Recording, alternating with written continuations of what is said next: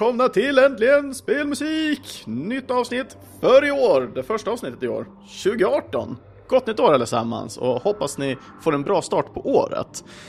Avsnitt nummer 17 på Kalla kårar. Spooky.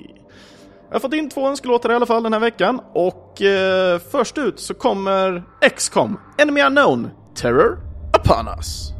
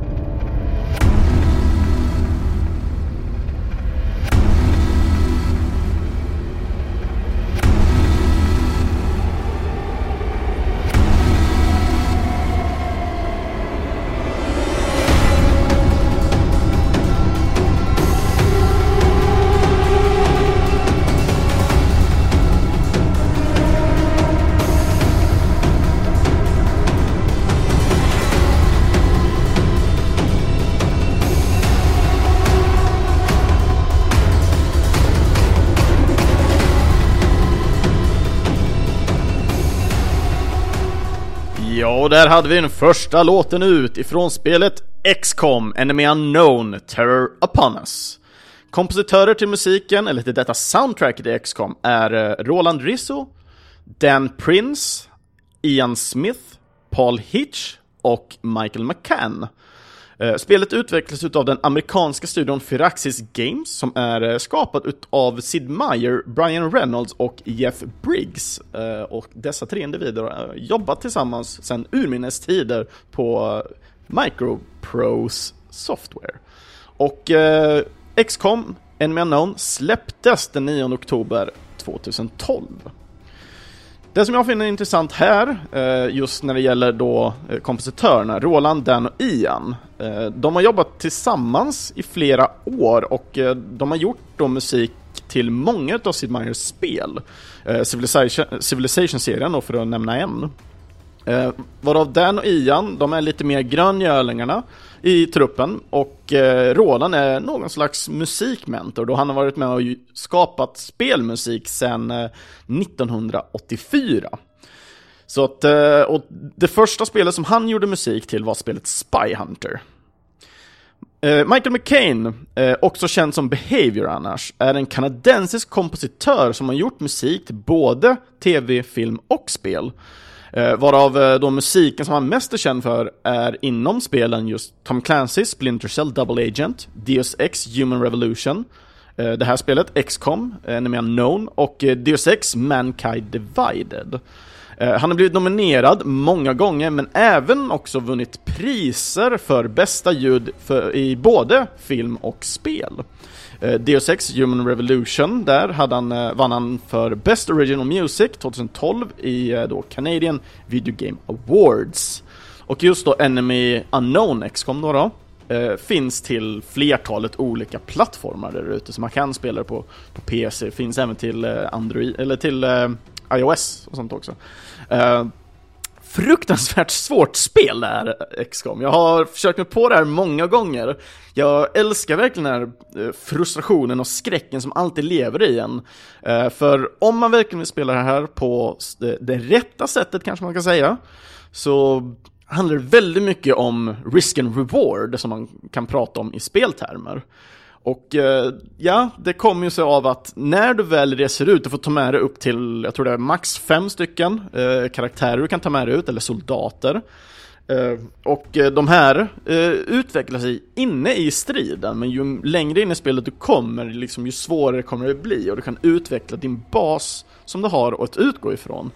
Eh, och ditt mål med spelet är ju egentligen att stoppa den här alien-invasionen som har kommit till jorden och eh, världen har ju knutit samman och skapat då X-com-projektet eh, där de eh, helt enkelt ska kicka asset på de här aliensen.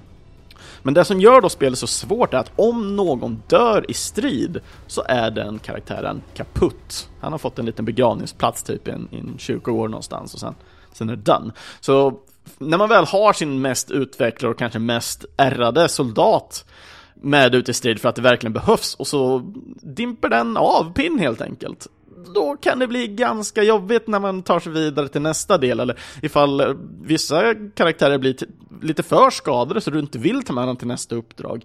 Men samtidigt så måste man ändå hålla nere paniknivåerna över världen hela tiden samtidigt som man avslutar olika uppdrag och dylikt för att kanske behöva resurserna som kommer utav dem. Så att det blir väldigt mycket prioriteringar i det här spelet och Musiken framförallt är enormt stämningshöjande. De är mer de här lugna ambi äh, ambienslåtarna i spelet, men de fyller ändå en väldigt stark eh, funktion när man väl spelar och har sig i det här spelet. Så att man, man har verkligen den här pressen hela tiden, inte nog med liksom aliensen i sig, men det blir en väldigt bra kombination med pressen som spelet i sig ger gentemot till musik som spelet har. Enormt svårt spel som sagt, men fruktansvärt kul att känna den här utmaningen. Och eh, nästa spel som vi har en låt att eh, spela musik ifrån är inget mindre än Alien Isolations Lower Hospital.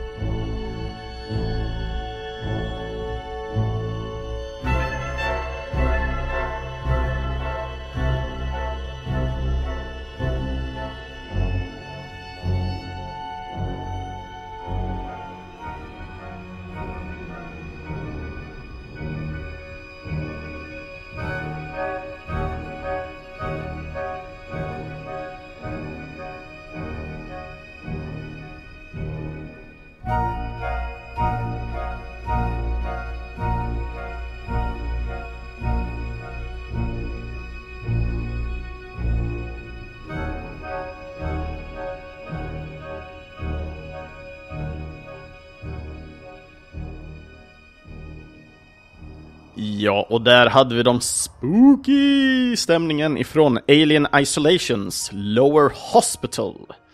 Det är mycket skrämmande spel det här alltså. Det, jag gillar det inte, jag har bara backseatat där.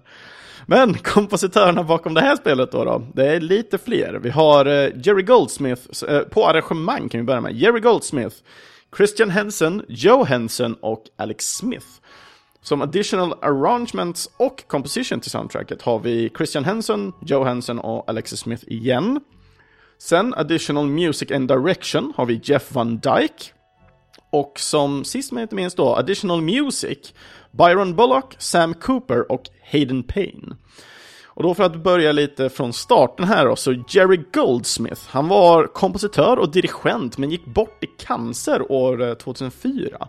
Men eh, mycket av hans musik lever kvar än idag i både filmserier som Rambo, Star Trek, Alien, men även då filmen Total Recall.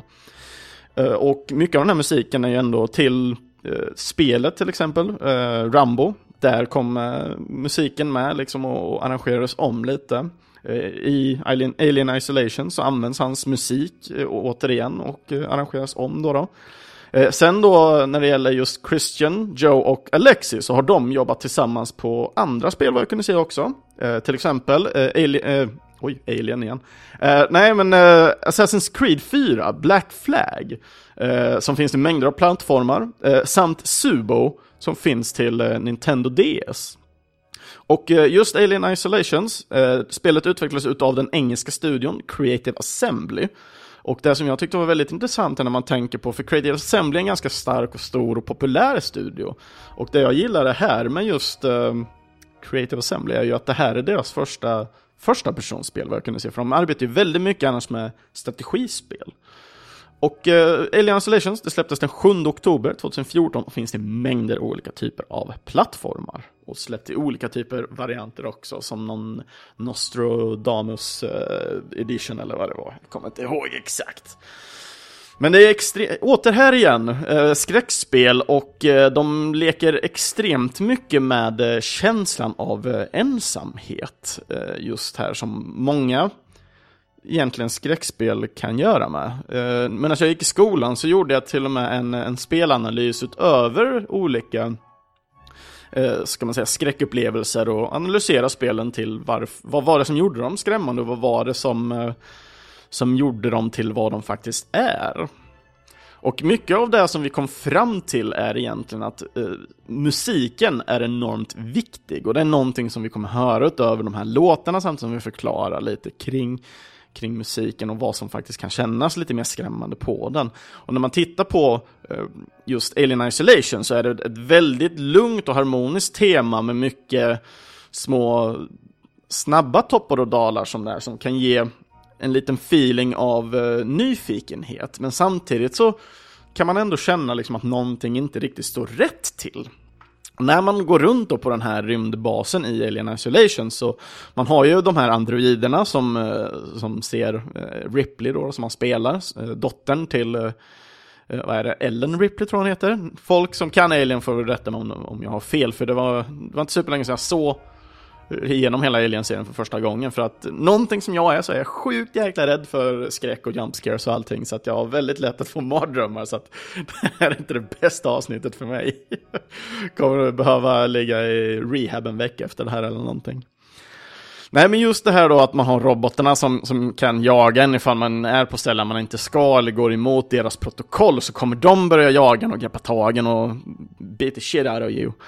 Uh, och sen har man då den här ena alienen som springer runt. Visst har jag läst att det finns många buggar i det här spelet, vilket gör att eh, alien encountersen kan bli enormt humoristiska för att alienen typ fastnar här och var eller kommer dansandes typ förbi dig eller någonting. Men det är fortfarande enormt skrämmande att veta om det här att just alienen i det här spelet inte är så mycket skriptad, det vill säga att när du kommer igenom vissa grejer så kommer alien automatiskt att komma till vissa ställen, utan den här alienen vandrar runt ibland i väggar och allting och man kan höra den vandra runt liksom. Så att det gäller liksom att försöka lokalisera och alltid ha den här pressen av att du vet inte vart den kommer. Eh, jag tror det, är, det finns några skriptade event, till exempel som första gången den här alienen kommer fram, då Ripley gömmer sig bakom ett bord. Och redan där känner jag liksom av pressen i det här, vad det här spelet kommer sätta. Nu har jag bara backseatat det här spelet och jag har inte spelat klart utan jag har bara spelat en, en kanske en timme ens en gång in i det här spelet. Men jag förstår känslan som sätts i den här typen av utsatthet som man sätts i det här spelet. Och jag tror lite det är det som är den största typen av fascination med det här spelet också. Eh, man har den här alltid pulsen av ovetskap som, som går igenom kroppen när man eh, tar sig igenom skeppet för att liksom lösa de problem som man stöter på för att försöka hitta där man ska. Helt klart ett väldigt stämningsfullt och fint och vackert spel. Men frågan är liksom om det skulle verkligen passa de mest eh, kanske eh, lätta på hjärtat som mig till exempel. Jag, jag känner själv att jag inte skulle riktigt våga det här, men för den som gillar den här typen av utsatthet och det, här så tror jag verkligen det här skulle vara ett spel för dem. Och musiken framförallt då, då med just den här stämningshöjaren. Nu tog jag Lower Hospital-låten, jag har inte varit där själv, men det var någonting inom mig som kröp lite under armarna när jag hörde den här och jag vet inte riktigt vad ni tycker om eh, om man tänker sig mörka liksom, sjukhusdelar, men det, det får min ryggrad att eh, börja skaka och svettas lite extra i alla fall. Så att det är lite, lite skrämmande. Men jag tycker vi tar lite mer eh, barnvänlig, spooky stämning, bara för att lätta just det här mörka som kommer från XCOM och Alien Isolations. Så att nästa låt som jag bjuder på kommer från Luigi's Mansion Dark Moon med låten Sticky Situation.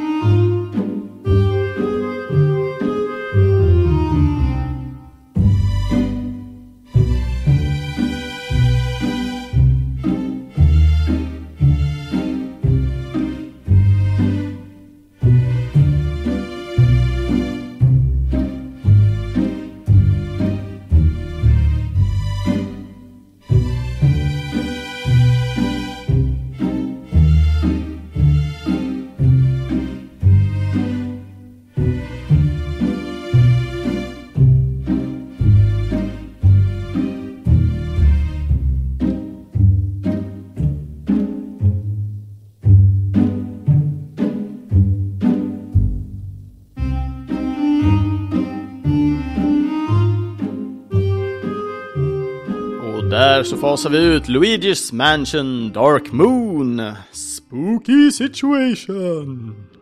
Musik. Den är komponerad av eh, Chad York, Darren Radke, Rad, T-K-E, Radke, ja, och Mike Peacock. Härliga killar. Eh, spelet i sig är utvecklat av den kanadensiska studion Next Level Games. Eh, de har även gjort spel som eh, det senaste Metroid Prime Federation Force, men också ett utav mina favoritspel på favorit Nintendo-spel på de senare dagarna, Mario Strikers Charged. Skitkul fotbollsspel, by the way, just saying. spelet det släpptes den 20 mars 2013 i Japan, 24 mars i USA och den 28 mars i Europa. Och just eh, när jag sökte just på de här tre individerna, så eh, de kompositörerna då, så samtliga har jobbat majoritet då av spel på, som eh, Next Level Games har gjort. Men ingen av dem är, kredit, vad jag kunnat hitta, krediterade någon annanstans än innan. Så att eh, jag har ingen aning om vad de har gjort innan, så att det känns som att det är lite gröngölningar som har tagits in och börjat jobba på Next Level Games på en gång och sen eh, jobbat med de spelen som har kommit därigenom. Och just Next Level Games är ju en Nintendo-studio. Jag vet inte om de är ägda på något sätt av dem, men de jobbar väldigt mycket med Nintendo-spel. Och eh, ja, lite mer lättsam spookiness här i alla fall. Alla vet ju att eh, Luigis Mansion, han går omkring med sin dammsugare och suger upp spöken och blir eh, fullt eh, rädd eh, vid varje krök typ. Och eh, ja, jag känner mig lite som en Luigi i detta fallet. Att jag tror jag också hade haft någon slags typ ringklocka uppstoppad i rumpan. Och så gått omkring och varit livrädd och hållit om min dammsugare hela tiden.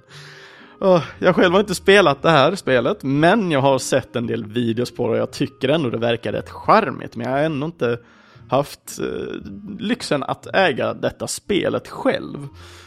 Um, och när jag sökte igenom musik så kände jag att nej, jag måste ha någonting lättsamt så att jag orkar och klarar av att köra igenom det här avsnittet med uh, lite mer spooky musik. Så jag vill inte bara ta mörka, eh, elaka historier utan uh, jag vill ha lite mer lättsamt också som känns lite mer barnvänlig skräck. Men eh, ja, vad ska man säga?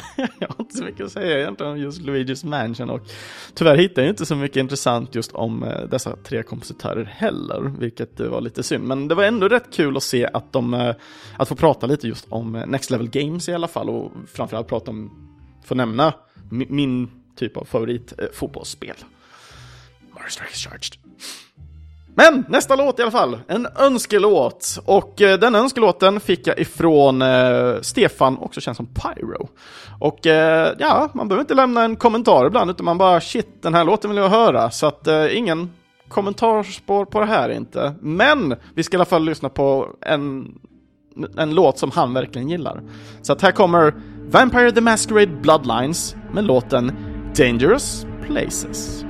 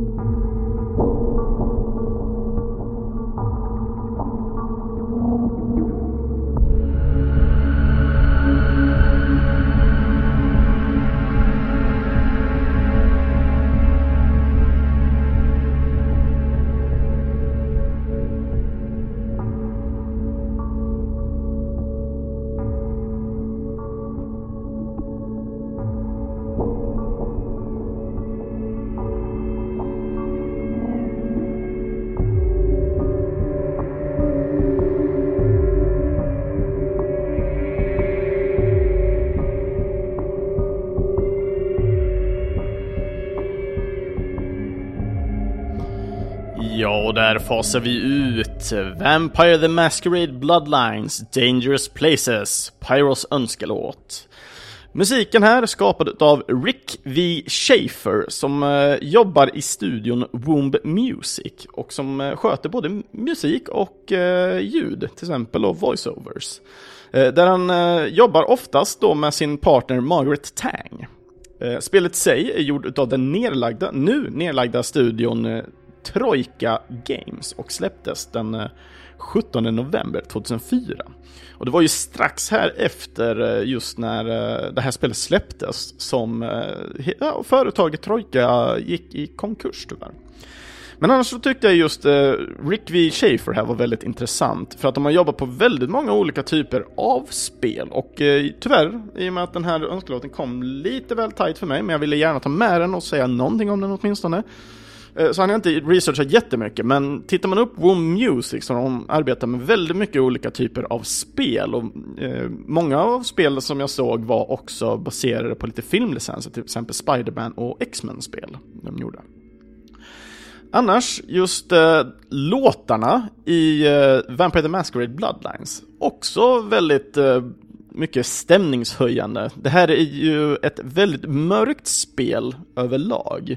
Eh, I spelet så spelar man ju då eh, en vampyr från en av de valbara familjerna som finns. Och jag vet när jag spelade det här och satt och väljer valde karaktär så var jag såhär hmm, vilken ska jag spela? Jag själv var ju väldigt van att eh, rollspelat och då spelat det här eh, rollspelet som heter World of Darkness som då också är baserat inom just den här Vampire the Masquerade-världen eh, då, då, fast det är den nyare varianten kan man säga. Men då när jag valde karaktär så var jag så här, hmm, jag gillar Malkav, det brukar vara min favorit. Men just i det här spelet så blev jag väldigt fascinerad över eh, hur eh, utseendet på Gangrels såg ut. Gangrel är ju då den här typen av eh, vampyr som har väldigt nära till hans sin ferala sida, han är väldigt bästlik och det, men just då karaktärsmässigt sett hur han ser ut, så ser han ut lite som någon sån här rastaflätad uh, junkie. Och jag, jag, tyckte den var riktigt cool liksom, så, som karaktär. Uh, och det här spelet spelas uh, i första persons vy, men går ut lite då och då i någon typ av tredje persons kamera, till exempel när man suger blod ur civila och dylikt. Och spelet har vissa typer av, av, regler som man ska förhålla sig till och det är ju ett, ett, rollspel i grunden så att det är ju mycket som sker bakom kulisserna i spelet. Man har ju sitt karaktärsark där man kan sätta ut sina, sina prickar över statistiker och, och, och skills och sånt som man, och, och färdigheter som man kan lära sig. Jag har bara spelat just det här i början, eh, på, av den enkla anledningen av att jag stötte på extremt mycket problem och buggar och sånt i början, vilket gjorde att spelet kändes svårt och eh, väldigt eh, frustrerande för mig. Det var rätt ord jag ville ha för att. Men då när jag spelar det här spelet i alla fall, så någonting som man, eh, som man måste leva upp till i det här spelet är att man ska hålla maskeraden. Och eh, maskeraden då är att eh, inte visa att det finns vampyrer i världen, så att man har en viss eh, eh, då en sån här maskpoäng. Och de, jag för mig det är fem stycken man har i början. Så att börjar du döda eller eh, döda då civila så förlorar man sådana här masquerade points. Eh, och i då de här olika banorna så kan man åka runt och man kan lösa mysterier och sånt som finns omkring. Så i början så finns det ett, ett mord som har skett i den här lilla staden som man börjar i. Jag kommer inte ihåg vad den hette, för det är typ Chinatown eller något sånt där. Eh, men där, då, då, i alla fall så kan man välja att aktivt försöka gå in och försöka lösa det här. Och någonting som jag minns då specifikt från det här är att den här första mordet då, då är det nere vid kajen. Ehm, och eh, det är en individ som blivit upphängd eh, med taggtråd runt omkring. Och det, då börjar man undra, liksom, kan det vara en vampyr som har gjort det här? För det första, vem använder taggtråd för att hänga upp folk i, i lyktor och sånt. Så att eh, man får börja ta det därifrån och så utforska, skrämma livet ur folk och dylikt. Men just då på ett ställe som jag minns specifikt är ju då att man ska upp på ett hus som ligger på en liten kulle. Eh, och eh, då som Gangrel så har man tyvärr väldigt nära till sin ferala sida som jag nämnde. Eh, och vilket gör att man, när man blir utsatt för hot så finns det väldigt stor chans till att man släpper lös sin bäst. Och det innebär då att skärmen mer eller mindre blir väldigt röd och du tappar kontrollen över din karaktär. Så karaktären springer runt och gör vad han vill, antingen dödar eller suger blod ur karaktären. Så då tänkte jag, ja, men jag tar det lugnt här uppe, jag smyger på allting. Men så ser en person mig och den här individen börjar då genast skjuta emot mig. Eh, han träffar mig och jag tar skada, vilket gör att jag får slå ett, ett slag då, då gentemot den här besten som jag har inom mig och misslyckas med slaget. Så att eh, min karaktär släpptes lös rensar hela huset så att det inte finns en enda stående karaktär kvar förlorar typ två masquerade points och ja, där har jag klarat den och jag var så här, hmm, nice, men ändå inte. jag löste ju själva problemet i sig, men på en bekostnad som var egentligen rätt hög. Uh, och redan då med den här starten, när man, för det här var rätt tidigt vill jag minnas i, för min del, men uh, sen när jag väl fortsatte i det här spelet så bara stötte jag på problem efter problem. Uh, till exempel då, då när man väl har börjat spela av tiden så ju mer sak, för, uh, färdigheter, sorry, uh, färdigheter som man använder i spelet så använder man blodpoäng och de här blodpoängen, det är de du återfår när du väl suger blod av individer. Men när man har varit som mig, lite yngre Chris då, då som utforskar rätt mycket, använder sina abilities och allting, ibland på kanske ingenting egentligen, eh, vilket gör att man snabbt förlorar de här blodpoängen. Och då finns det en blodbank som man kunde besöka. Och ja, jag tänkte jag skulle gå ner dit och, liksom besöka, istället för att suga blod från folket, betala lite och sen få en, en blodpåse istället för att kunna klara mig bra och slippa suga från, från individerna på gatan och riskera att bli upptäckt då. då. Men typiskt nog när jag väl ska ner dit så har det självklart fastnat en eh, NPC eller en civil då, då nere i just den här gången ner till den här eh, eh blodkällaren. Vilket gör att när jag försöker gå in i den här dörren så är det samma knapp som man integrerar för att suga blod ur folk. Så att eh, när jag ställer mig och ska börja liksom gå in i dörren så beslutar sig att det är viktigare att ställa sig och suga blod. Och eh, alltid som minst så drar man alltid ett blodpoäng ur eh, individen som man påbörjat på. Eh, och i detta fallet så eh, hade individen egentligen bara ett poäng kvar för det var en som jag hade sugit av tidigare. Så att jag var bara yay, jag dödar en person i den här källaren när alla kan se typ more or less. Och eh, på grund av att man dödade en karaktär, ja då fick man slå ett slag till gentemot att eh, släppa lös sin bäst och min bäst släpps lös. Jag går haywire över hela gatan, rensar gatan på civila och ja, maskeradbrott återigen. jag har inte haft en bra upplevelse med det här spelet, men det är fruktansvärt kul och det håller ändå rätt bra till stämningen av vad eh, Vampire the Masquerade egentligen innebär. Hur man ska kunna kontrollera besten men ändå liksom kunna leva sitt liv som vampyr i världen. Och med det sagt så tar vi och går vidare till nästa önskelåt. Och eh, den önskelåten kommer ifrån eh, Martin Bombi Hagel och han vill önska en låt från ett av hans absoluta favoritspel. Och eh, då går vi vidare då till ett lite mer postapokalyptiskt scenario eh, där eh, ondskan kommer i olika former från alla möjliga olika typer av håll. Och spelet och låten som vi ska få höra på är ifrån The Last of Us Main Theme.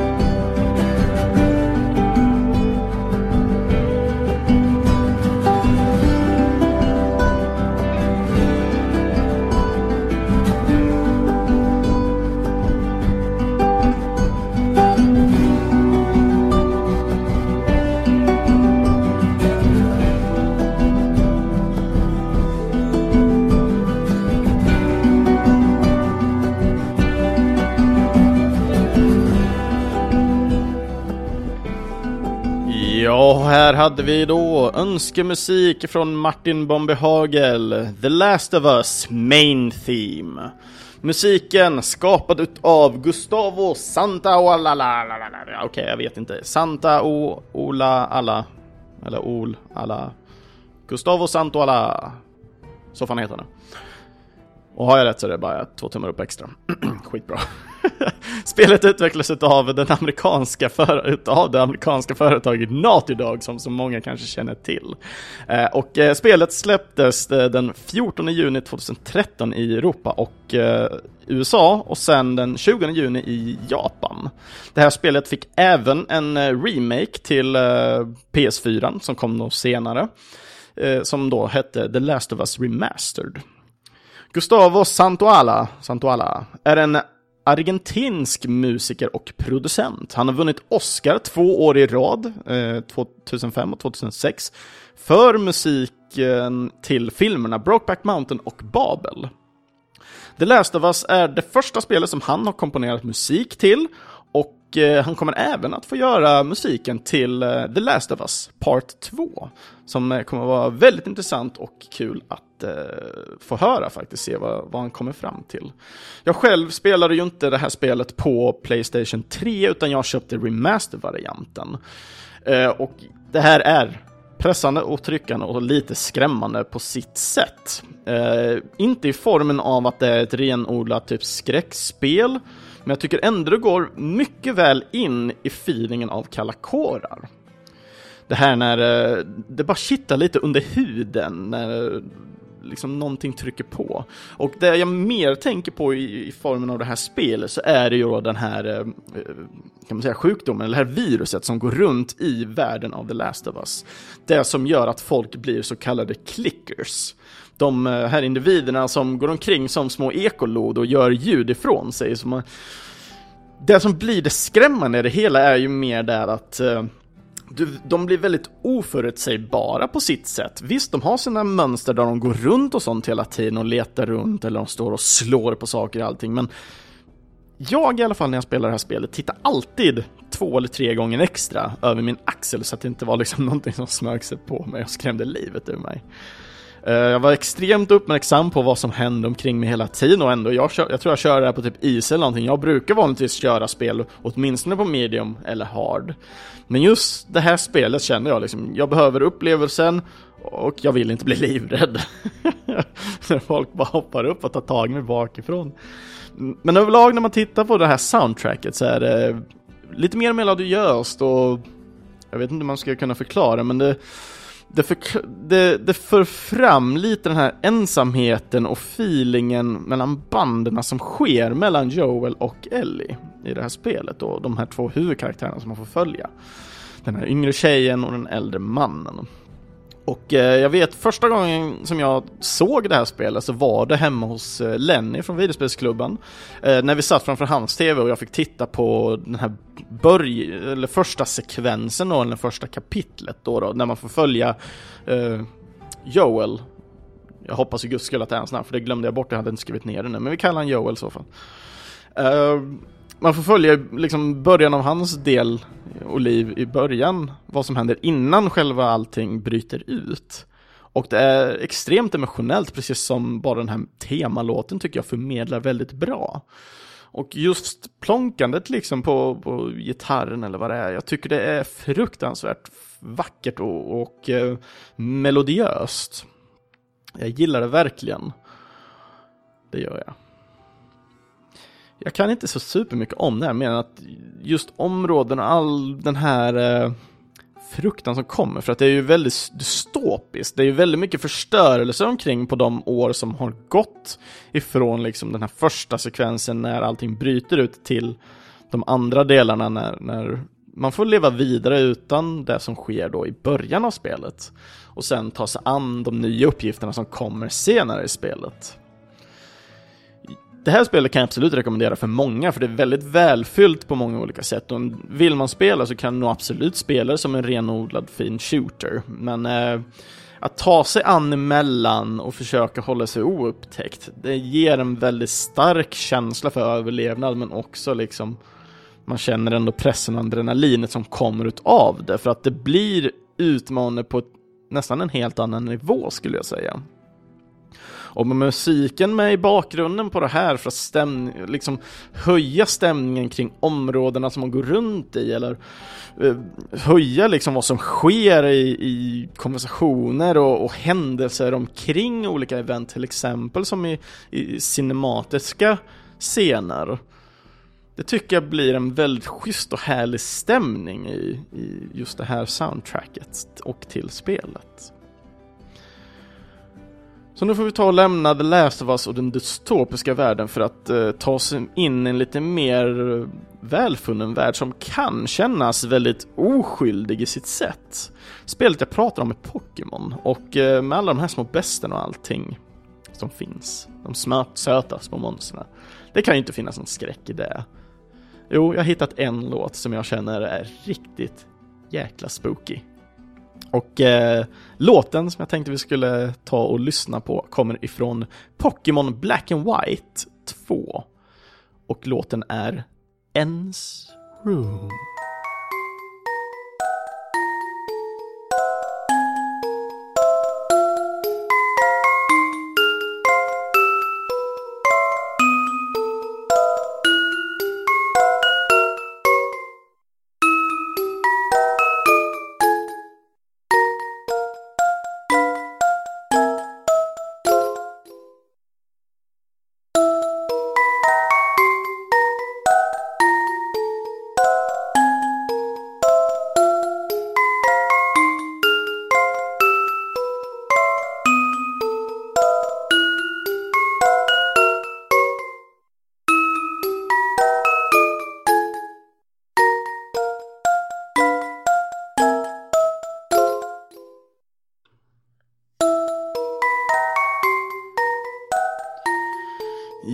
Där hade vi då Ends Room ifrån eh, Pokémon Black, eller White 2 då då. Jäklar vad spooky den här låten är, alltså jag, jag vet inte. Jag får så starka associationer och jag tycker det är riktigt skrämmande när, när man tänker eh, barn. Alltså barn och skräckfilm, det är freaky scary är det. Freaky, freaky scary. Och just när jag hör den här låten och jag tänker Ens Room, nu vet inte jag vem En riktigt är. Men jag har spelat Pokémon Black, men jag har inte spelat tvåan. För mig var inte Black så mycket, så jag hoppade direkt till eh, X och Y-serien, gjorde jag. Men just att höra den här låten och känna liksom dysfunktionaliteten i låten, den ger en riktigt creepy feeling för mig i alla fall. Nu hoppas jag vid guds skull att en är en väldigt glad person och inte någon som ja, hänger från taket i ett rep eller någonting. Eh, för det hade varit ganska freak i ett Pokémon-spel. Men eh, ja, jag vet inte. Alltså den här låten satte verkligen enorma kalla kårar i mig i alla fall när jag lyssnade på den. Det här var mer, jag hoppade in på en lista över så här skum, scary musik från platser man inte kan tänka sig att de kommer. Och jag själv, i och med att jag inte, jag har inte spelat alla Pokémon-spel utan jag har varit väldigt selektiv med dem så känner jag så här, ah, hmm, ja men det kan vara intressant. Och så kom den här på och jag var wow, shit! Skitscary. Och de hade då en bild på en Pikachu med lite förvridet ansikte där, och gjorde hela bara ännu mer bisarrt ungefär. Men musiken i alla fall till Pokémon Black och White, eh, den är utav Go Ishinose och eh, Hitomi Sato. Båda länge anställda på företaget Game Freak som även då är det som har skapat spelet som kanske de flesta redan känner till. Uh, spelet i sig det släpptes den 7 oktober 2012 och släpptes till Nintendo DS. Uh, Go in i Jose uh, han har jobbat, uh, han har endast jobbat på musiken medans Hitomi utom musik eh, har jobbat även med att skriva och designa mängder utav Pokémon-spelen. Eh, Go har också varit med och jobbat på Pokémon-spel sedan eh, Pokémon Silver som då släpptes 1999. Men eh, Hitomi har jobbat på Pokémon-spel sedan eh, Pokémon Crystal och eh, det släpptes år 2000. De har inte så mycket, liksom, vad jag kunnat hitta krediterat sen innan, men när man väl ändå har lyssnat på mycket och mängder av eh, Pokémon-låtarna så de är ju väldigt ikoniska för de olika typerna av spel. Frågar man liksom fans inom Pokémon-serierna så känns det som de, många av dem har liksom favoritlåtar från, från varje spel. Det är inte som något Zelda som, åh jag älskar den här låten, sen har den låten varit med i 30 andra spel. Eh, utan det känns som de faktiskt eh, lägger ner tid på att skapa lite nya låtar till, till de kommande Pokémon-spelen som kommer hela tiden. Vilket är, jag tycker är väldigt mer uppfräschande. Och eh, av det jag hört ändå från Pokémon-spelen så tycker jag de, de håller sig ändå till Pokémon-referenser kan man nästan säga, även om det kanske egentligen inte till det finns referenser för vad Pokémon-musik ska vara. Men jag tycker ändå de är väldigt lekfulla och när just jag hörde då Ends Room låten så blev det sjukt jäkla creepy bara. Och det finns ju de här spökstäderna och det finns de här spökborgarna, eller ja, det är inte en borg men vad heter det, ett träningsgym och sådana saker. Så att, eh, eller ett hus är det förresten i Pokémon-serien, åh oh, vad dum jag är. Eh, men ändå så liksom, det finns alltid någon creepiness och egentligen den största av creepinessen när det gäller just Pokémon. De må se väldigt oskyldiga ut och, och vara väldigt gulliga många av karaktärerna eller vara lite silly-dilly som gör att man crack-a-smile. Men det mest skrämmande då är egentligen att läsa informationen om Pokémons. Det finns de som är sjukt jäkla scary och jättebisarra ta bara Drowsy som exempel, att när du har eh, mardrömmar och det, eller känner att du inte har några mardrömmar tror jag det är, så då vet man, då, då kan du med full säkerhet eh, veta om att det är en eh, Drowsy just nu i ditt rum som drar ut dina drömmar genom din näsa. Creepy! Så att eh, där har ni något att tänka på, varsågoda! Så tar vi och fortsätter till eh, veckans sista spooky låt. Och eh, den låten kommer ifrån Amnesia, A Machine for Pigs, New Year's Eve.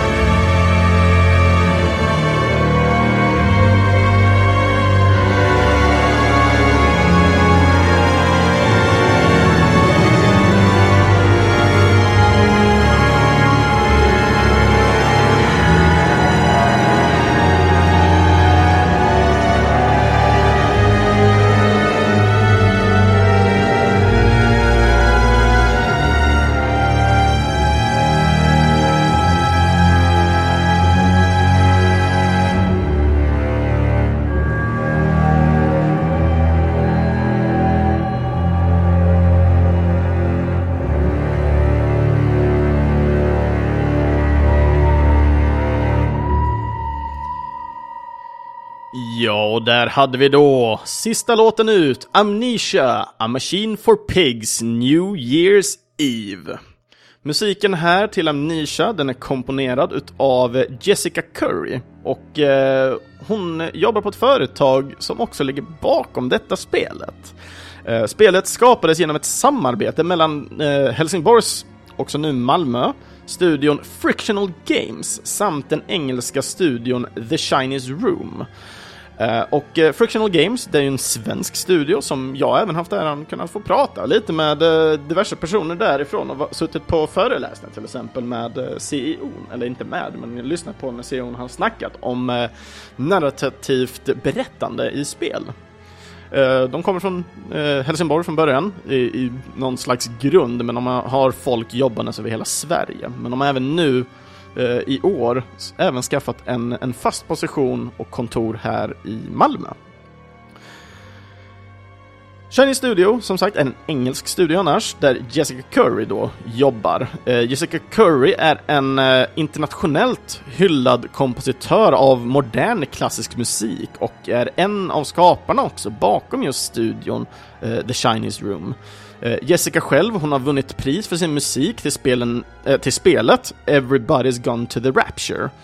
Eh, The Chinese Room skapade även spelet Dear Esther, Uh, Dear Esther-musiken, uh, eh, den har även spelats live, uh, där man då även har spelat spelet vid sidan av konserten. Så man har mer eller mindre gjort nästan en livespelning av musiken när spelaren har vandrat runt i det här. Och just spelet Dear Esther är inte superlångt, men ändå väldigt stämningsfullt och, och dylikt.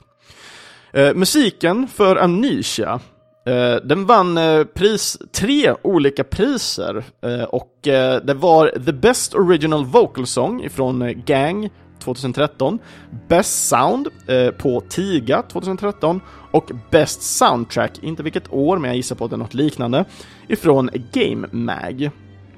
och ljudet har även blivit nominerat vid fyra andra tillfällen.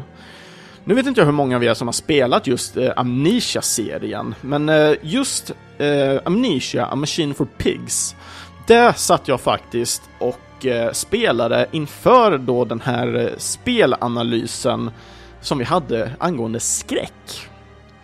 Och eh, som ni vet och kanske har försökt förstå på, eller inte försökt, men förstått under tiden här, att jag är enormt scaredy cat. Jag är livrädd och som sagt, klarar inte riktigt av det här. Så att sätta sig och spela Amnesia Machine for Pigs med hörlurar, det var inte jag så positiv till från början kan jag ju säga.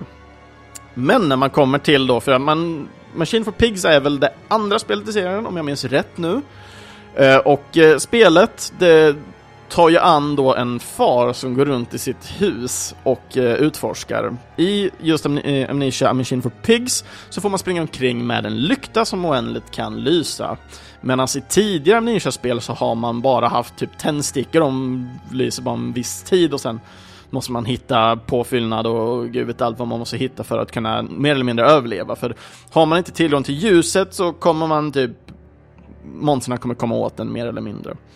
Men just eh, skillnaden då till Amnesia Machine for Pigs är ju då att man får följa då den här eh, mannen eller individen som man spelar, vandra igenom sitt hus och man får göra mycket fantasifulla kopplingar till vad som sker runt om i huset. Eh, inte nog med att eh, vissa sängar och sånt är nästan helt igenburade, så man bara okej, okay, vad är här? Eh, men man får även komma lite bakom kulisserna i vad som händer i huset eh, i form av att man får blanda runt i maskineriet, men också bakom väggarna. Det blir mycket skrämmande och det blir en ganska frestad stämning, speciellt när man börjar hitta diverse meddelanden och bilder och dylikt på platser man kanske inte förväntar sig finna dem. Så när man vandrar runt här och får se bakom kulisserna och så tänka vänta, där gick jag för en stund sen och vänta, det där var inte där innan. Så känner man att saker sakta börjar krypa på en och eh, ens eh, fascination för eh, vad som sker omkring kanske blir starkare eller mer skrämmande. Det vet man inte. Det beror på för individerna skulle jag säga. Men för mig så var det extremt skrämmande i alla fall. Man har även ibland eh, vissa fotspår klappa omkring som att någon individ är i närheten men det finns ingen som syns till. Eller? Var det något där som rörde sig? Ingen aning. Man blickar hit, man blickar dit, man fattar ingenting och just musiken till det här spelet gör så himla mycket. N någonting genom den här analyseringen när vi tittar på de olika spelen är att en majoritet utav skräckspel går på det enkla sättet av att skrämma folk via jump scares. Något som jag tycker är extremt, egentligen ganska kortsiktigt tänkt. Det är väldigt dåligt tänkt. Jag menar, det finns så många olika sätt att kunna skrämma folk på. Eh, jag vet, det finns många filmer som går lite mer på det här, den psykiska skrämseln. Eh, jag själv är nog mer fascinerad av den, men den blir så mycket mer påfrestande på vad som kommer ske när man väl har släppt upplevelsen, till exempel det finns extremt mycket att tänka på efter man har upplevt något psykiskt påfrestande och skrämmande. Det tar tid att bearbeta och hantera det.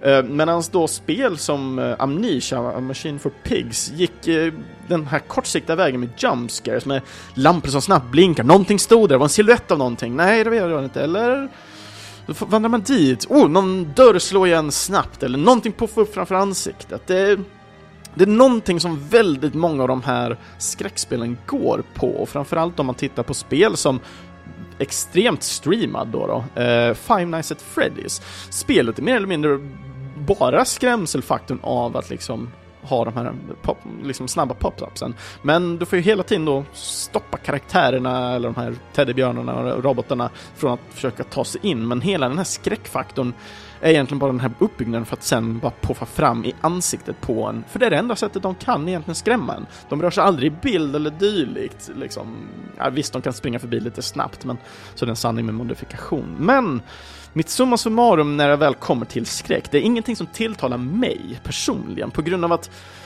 Majoriteten av de här spelen handlar mycket mer om de här kortsiktiga jump scaresen som är till liksom. Jag älskar mycket mer den här pressade feelingen som byggs upp under spelets gång. Jag, jag vill inte bli skrämd mitt i spelet, jag kanske bara vill ha en stor skrämning i slutet av spelet som kanske liksom som gör att man får bearbeta den på ett helt annat sätt gentemot att för varje krök sitta och tänka sig shit, nu kommer det här, nu kommer det här. Um, och så kommer det faktiskt. Då gillar jag mycket mer den här påfrestningen av att tanken är att någonting finns bakom, men det finns inte där, utan det är något tankespöke man har gjort för sig själv. Och det är lite här jag kanske vill avsluta den här veckan, att uh, vilka är era favoritspel egentligen när det kommer till skräck? Vad får er att känna kalla kårar när ni spelar det spelet? Eller kanske är ni som mig, att just skräckspel kanske inte tilltalar er så värst mycket. Jag hade mer än gärna velat höra egentligen vad ni tycker och tänker kring det här och vad ni själva tycker om eh, musiken som har spelats och eh, vad ni tycker musiken fyller funktion till, till skräckspelen. Det hade varit kul att höra faktiskt. Och eh, nästa vecka, ja, nästa veckas avsnitt då hanterar vi plattformsspel. Eh, alla de här typerna av plattformsspel som man kan tänka sig spela med lite glad, härlig, schysst musik eller varför inte spännande adrenalinfylld. Ja, vi får se vad som kommer helt enkelt. Hur som helst, andra avsnittet från Äntligen Spelmusik, ja, de hittar ni på äntligen, eller oh, vad säger jag? Videospelsklubben.se eller i era närmsta podcast-app. Eh, ni får gärna följa Äntligen Spelmusik på Facebook eller på Instagram där, vi, där jag mer eller mindre skickar uppdateringar och har lite tävlingar då och då. Eller ja, tävlingar är det inte, det är mer utmaningar för, för er lyssnare så att ni, ni kan få göra någonting när ni, som kanske ni får använda era spelkunskaper till. Eller följa då bara flödet. Och vill ni kontakta mig, ja då gör ni det lättast genom att kommentera antingen på Facebook, Instagram eller vid eh, videospelsklubbens egna kommentarsfält. Och missar jag som sagt någon av era favoritlåtar så dela gärna med er av låtarna eh, via kommentarerna för avsnitten. Och eh, all eh, information och sånt som jag kan hitta angående för soundtrack som ni kan köpa och det, den kommer jag koppla till videospelsklubbens inlägg. Och eh, med det sagt så får alla ha en jättebra vecka och eh, som sagt, nu har jag flyttat så jag vet inte exakt hur det kommer gå, men jag hoppas kunna hålla samma flöde. Men skulle det vara så att det blir lite försenat så hoppas jag att ni har eh, eh förstånd till att eh, tänka. Chris han har precis flyttat och startat ett nytt jobb så att eh, hoppas det går bra för dig Chris. Lycka till. Eh, hoppas det kommer ett nytt avsnitt snart. Så att, eh, men eh, jag hoppas det tar bara till nästa vecka helt enkelt eh, innan ni får höra nästa avsnitt och att det inte dras ut någonting extra utan jag tycker det här är skitkul. Älskar er allihopa, ha det så bra nu, hej då!